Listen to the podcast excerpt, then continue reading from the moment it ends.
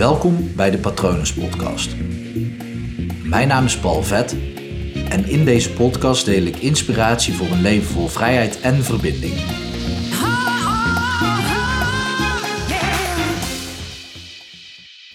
De eerste stap is durven zien van de waarheid.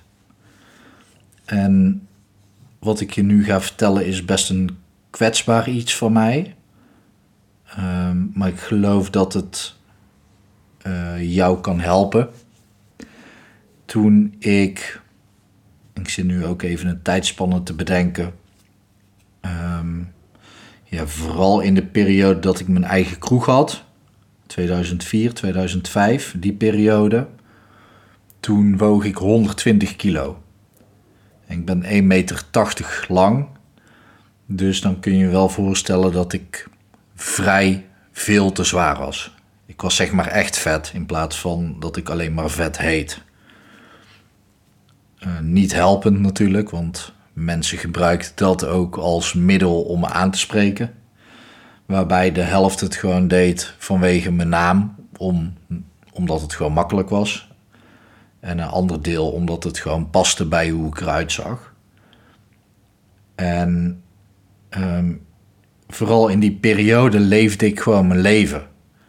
Ik, uh, ik heb in de afgelopen aflevering al vaker gezegd dat ik in die periode tot aan 2012 geen emoties heb ervaren. Niet kunnen, echt kunnen voelen. Um, dus hoe het dan kan dat als ik daaraan terugdenk dat het me pijn doet, dat weet ik niet. Misschien is dat omdat ik denk dat het pijn zou moeten doen of gedaan zou moeten hebben. Maar ik geloof dat ik in die periode echt best wel ongelukkig was met mezelf. Echter in de periode 2004-2005 en de jaren daarvoor, en dat is natuurlijk niet binnen een half jaar gebeurd dat ik zo zwaar werd, maar vooral in die periode daarvoor heb ik gewoon heel veel ongezonde dingen in mijn mond gestopt. Ik, uh, ik had een eigen kroeg, ik was DJ, dus ik leefde alleen maar s'nachts. Ik dronk ontzettend veel alcohol. Ik at ontzettend ongezond. En ja, daardoor, ja, dat is logisch, dan kom je gewoon aan. Maar in dat leven was het voor mij ook niet nodig om, om te voelen. Want altijd als iemand aan mij vroeg hoe gaat het met je, dan was ik degene die mijn duim omhoog stak, een grote grijns opzette en zei: Met mij? Met mij gaat het altijd goed. Met dikke mensen gaat het altijd goed. Kijk maar, ik heb het allemaal goed voor elkaar. En dan sloeg ik natuurlijk met beide handen op mijn buik. Ehm, nooit er ook maar bij stilstaan dat er iets onder zou kunnen zitten. Dat ik me gewoon ongelukkig zou voelen. Ik, uh, ik was daar gewoon niet mee bezig. Ik zat alleen maar in mijn hoofd en ik probeerde mezelf gelukkig te denken. En tja, dat kan eigenlijk niet, maar ik had niet door dat ik, dat ik aan het lijden was. Ik vraag me soms ook af of dat, dat misschien niet een veel makkelijker leven is. Ik geloof nu, nu ik wel emoties ervaar, dat dat, dat een veel rijker leven is. Ik weet niet of dat dat letterlijk makkelijker maakt. Geen idee. Ehm, dus pas op waar je aan begint op het moment dat je begint met voelen. Het is bijna een waarschuwing. Maar in 2006 ongeveer, um, toen bereikte ik wel het toppunt. En al die tijd wist ik wel dat ik iets met mijn gezondheid aan moest. En ik benoem het expres zo, omdat het vooral mijn omgeving was die mij wel signalen gaf van, ja, misschien is het niet helemaal gezond wat je doet, of zou je eens niet wel meer bewegen. Niet dat, dat mensen me echt apart namen en serieus dat gesprek met me aanknoopten, want ja, ik pareerde alles. Ik zorgde er altijd voor dat ik een, uh, een uitvlucht had. Door middel van taal kon ik uh, mensen daar wel van wegleiden. En vaak alles vast wel door, maar ze namen niet de moeite om, om echt op me in te praten. Ik denk ook niet dat dat toen was gelukt. En in die periode tot aan zeg 2006 heb ik wel regelmatig gesproken over sporten en beweging. En nam ik ook maatregelen om te gaan sporten. Dus ik uh, kocht hardloopschoenen bijvoorbeeld. Of ik kocht een, uh, een goede mountainbike om te gaan fietsen. Of ik schreef me in bij de sportschool. Het waren allemaal uitingen van ja, ik ben het wel van plan om te doen. Maar echte motivatie zat er gewoon niet in. Eigenlijk, ja, eigenlijk waren het allemaal excuses om maar gewoon te doen alsof ik de juiste stappen zette. Maar echt daadwerkelijk letterlijk in beweging komen, dat gebeurde niet. Totdat ik op een gegeven moment in de badkamer mezelf aankeek in de spiegel. En zeg nou eens eerlijk, je kijkt wel vaak in de spiegel, maar kijk je jezelf ook wel eens echt aan naar, oké, wie, wie ben ik nou? Wat, wat zie ik nou? Wie zie ik in de spiegel? Hoe ziet dat eruit? Hoe zie ik eruit dus? En op dat moment deed ik dat naar mijn idee sinds hele lange tijd voor het eerst. En ik keek in de spiegel en ja, de waarheid die sloeg gewoon echt als een kanonskogel in mijn gezicht. Ik keek in de spiegel en ik dacht, Jezus, ben ik dit? Zie ik er echt zo uit? En nu ik dit vertel, doet me dat zo ontzettend veel pijn. Want man, wat heb ik mezelf dan al die tijd aangedaan om het zo ver te laten komen? En natuurlijk snap ik achteraf waar dat allemaal vandaan kwam en wat er allemaal voor nodig was dat ik het zo ver heb laten komen.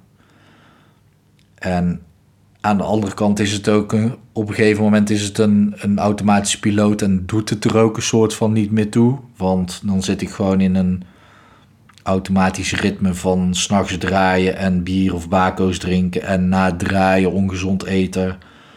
Naar huis gaan, de studio induiken, muziek maken, een beetje slapen, ongezond eten en weer door, weer gaan draaien of werken.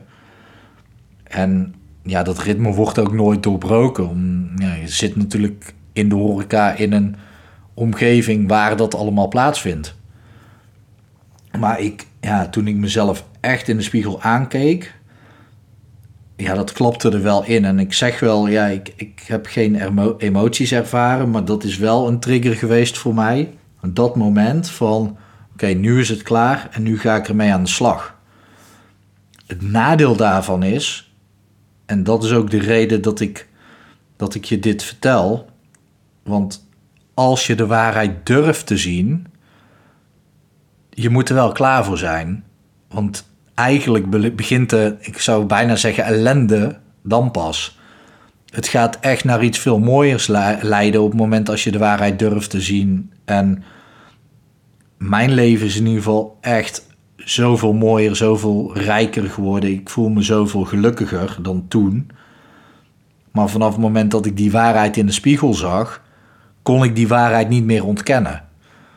En het grote nadeel daarvan is, is vanaf dat moment start eigenlijk het lijden pas echt. Want dan op dat moment was ik me bewust van dat ik het anders wilde ten opzichte van hoe het was op dat moment.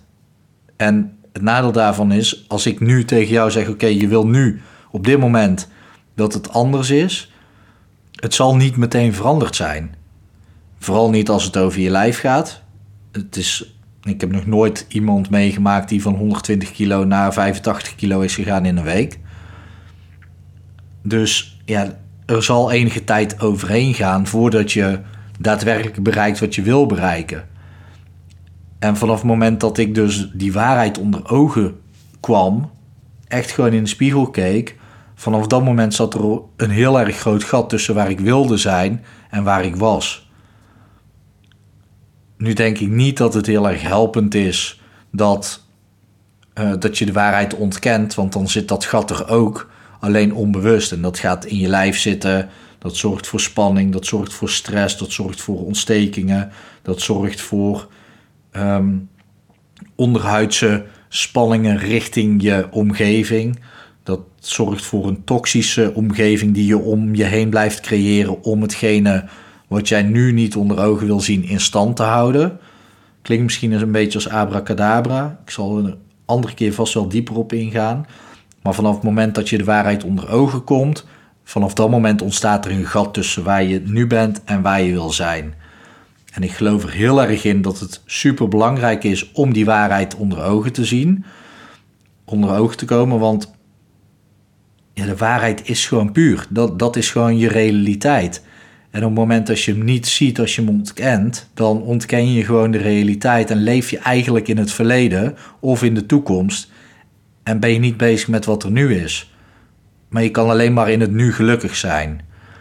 Dus ja, ik daag je echt uit om onder ogen te komen wat er nu is. Kijk jezelf recht aan in de spiegel en ervaar gewoon wat er is. Kijk naar hoe je eruit ziet. Eh, kijk naar wat voor gedachten er in je opkomen. Voel in je lijf. En, en durf gewoon te accepteren dat er bepaalde dingen zijn in je leven waar je verandering in wil. Anders zou je deze aflevering niet uh, beluisteren, denk ik. Ben je helemaal tevreden en wil je niks veranderd zien, helemaal top. Dan zou ik zeggen, ga zo door. Maar wil je wel, ja, merk je toch dat er iets niet helemaal lekker zit in je leven?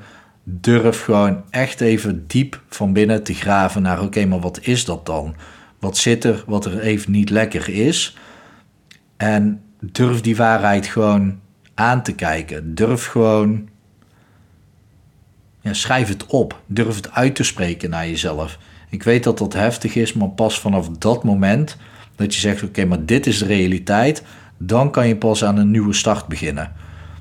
En een nieuwe start brengt dus, en dat is echt een waarschuwing, heel veel lijden met zich mee. Want vanaf dat moment besef je dat je nu ergens bent waar je gewoon niet wil zijn. Maar dat zorgt er ook voor dat je er iets aan kan gaan doen. Dan kan je in beweging komen. En het is dan ook helemaal oké om nog niet te zijn waar je wil zijn. Uh, maar vanaf het moment dat je beseft, oké, ik ben de juiste dingen aan het doen om uiteindelijk wel te gaan komen waar je wil zijn, vanaf dat moment zal er een last van je schouders vallen en kan je gewoon heel duidelijk en heel krachtig in de spiegel naar jezelf kijken. En deze podcast neem ik op voor mensen die die verandering willen doormaken, die daadwerkelijk weten, oké, er moet iets veranderen. En, en ik kijk gewoon nu de waarheid aan. Ik kijk nu gewoon naar wat er veranderd moet worden. En deze podcast neem ik op voor mensen waarin ik geloof dat zij die verandering ook kunnen maken. En ik geloof dat alles wat er tot nu toe is gebeurd in je leven maakt jou de persoon wie je nu bent. Dus als er iets is wat je veranderd wil zien waar je nu niet blij mee bent, zorg ervoor dat je net zo krachtig bent. Um, of je, je bent zo krachtig dat je die verandering ook aan kunt. Daar geloof ik in. Anders had je namelijk niet op dit punt gekomen dat je de waarheid onder ogen durft te komen. Dus schrijf voor jezelf op wat je wil veranderen. Ga daarmee aan de slag. En ja, het wordt even uh, wat zwaarder vanaf dat moment. Maar dat komt omdat ja, vanaf dat moment ben je aan het puinruimen. Al die tijd uh, draag je al dat gewicht al met je mee. Maar nu besef je dat, uh, dat je dat doet en kan je het gewicht ook daadwerkelijk voelen. Um, wat je met je meedraagt. Maar kan je het ook gewoon langzamerhand van je af gaan gooien. En steeds een stukje lichter worden. Klinkt een beetje filosofisch. Ik kan daar uh, misschien nog wel veel langer over doorpraten en het veel concreter voor je maken. Uh, maar goed, dat is veel makkelijker op het moment als ik concrete voorbeelden heb. Dus loop je ergens tegenaan waarvan je denkt: oké, dit is nu mijn realiteit en ik wil dat veranderd zien. En heb je daar hulp bij nodig? Stuur me gewoon even een berichtje, want ik vind het super leuk om met je mee te denken. Uh, dat berichtje kan je sturen op Instagram. Gewoon even mij volgen op Paul Vet. En anders mag je me altijd even een mail sturen op patrones.palvet.com. Ik hoop dat het goed met je gaat. En op het moment dat je nu denkt, nee, nu helemaal niet, want ik ga mijn uh, waarheid onder ogen uh, komen. Ja, dan gaat het juist heel erg goed, want dan zet je de eerste stap om uiteindelijk van dat gewicht af te komen. Uh, maar goed, ik hoop dat het goed met je gaat en ik wens je een mooie dag toe. Hi.